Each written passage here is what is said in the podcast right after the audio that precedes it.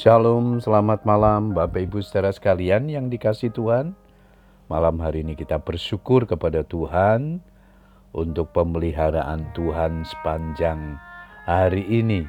Bahkan sepanjang minggu ini dalam kehidupan kita, kita boleh bersyukur melewati hari lepas hari di dalam pimpinan dan penyertaan Tuhan.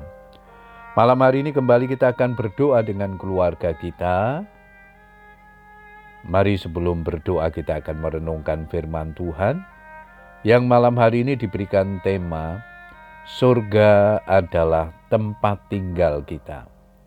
Ayat mas kita di dalam Kolose 3 ayat yang kedua, firman Tuhan berkata demikian, Pikirkanlah perkara yang di atas, bukan yang di bumi. Rasul Paulus menasihatkan agar setiap orang percaya senantiasa memusatkan pikiran kepada perkara yang di atas dan mengutamakan perkara rohani lebih daripada apa pun yang ada di dalam dunia ini. Mengapa? Karena dunia bukanlah tempat tinggal permanen atau tempat tinggal tetap bagi orang percaya. Dunia adalah tempat tinggal sementara untuk didiami, karena kita tak lebih dari seorang pendatang atau penumpang saja. Kewargaan negara kita yang sesungguhnya adalah kerajaan surga. Karena kami tahu bahwa jika kemah tempat kediaman kita di bumi ini dibongkar, Allah telah menyediakan suatu tempat kediaman di surga bagi kita, suatu tempat kediaman yang kekal, yang tidak dibuat oleh tangan manusia 2 Korintus 5 ayat yang pertama. Jika kita hendak pergi untuk berkemah, tentunya kita tidak mungkin membawa atau membeli suatu perlengkapan dapur secara lengkap. Membeli perabotan rumah tangga, membeli semua perlengkapan tidur dan sebagainya. Mengapa?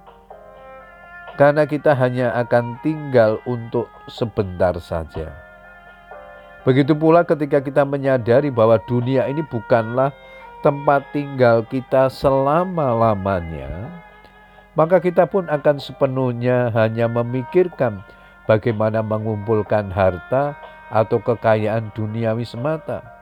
Sebab kita tidak membawa sesuatu apa pun ke dalam dunia ini dan kita pun tidak dapat membawa apa-apa keluar. 1 Timotius 6 ayat yang ketujuh. Ayub pun menyadarinya sehingga dia berkata, dengan telanjang aku keluar dari kandungan ibuku dan dengan telanjang juga aku akan kembali ke dalamnya. Ayub 1 ayat 21. Justru yang harus kita lakukan adalah menabung atau mengumpulkan harta di surga. Bapak Ibu Saudara sekalian, waktu kita di sini hanya singkat dan terbatas. Jadi alangkah bijaknya jika kita menggunakan kesempatan yang ada sebaik mungkin. Itulah sebabnya Tuhan mengutus kita untuk suatu tugas yang jelas, yaitu supaya kita menerapkan gaya hidup surgawi, supaya kamu tiada beraib dan tiada bernoda, sebagai anak-anak Allah yang tidak bercela di tengah-tengah angkatan yang bengkok hatinya dan yang sesat ini sehingga kamu bercahaya di antara mereka seperti bintang-bintang di dunia. Filipi 2 ayat yang ke-15. Menjadi saluran bekap bukan menjadi batu sandungan serta menjadi garam dan terang bagi dunia ini. Bapak Ibu saudara sekalian, sebagai warga surgawi, sikap dan perbuatan kita harus mencerminkan dan menyatakan kemuliaan Tuhan.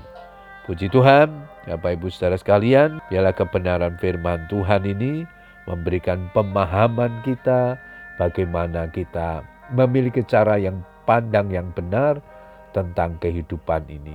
Bahwa kehidupan di dunia ini hanya sementara, kita menunggu kekekalan yang Tuhan sediakan di surga. Selamat berdoa dengan keluarga kita, tetap semangat berdoa Tuhan Yesus memberkati. Amin.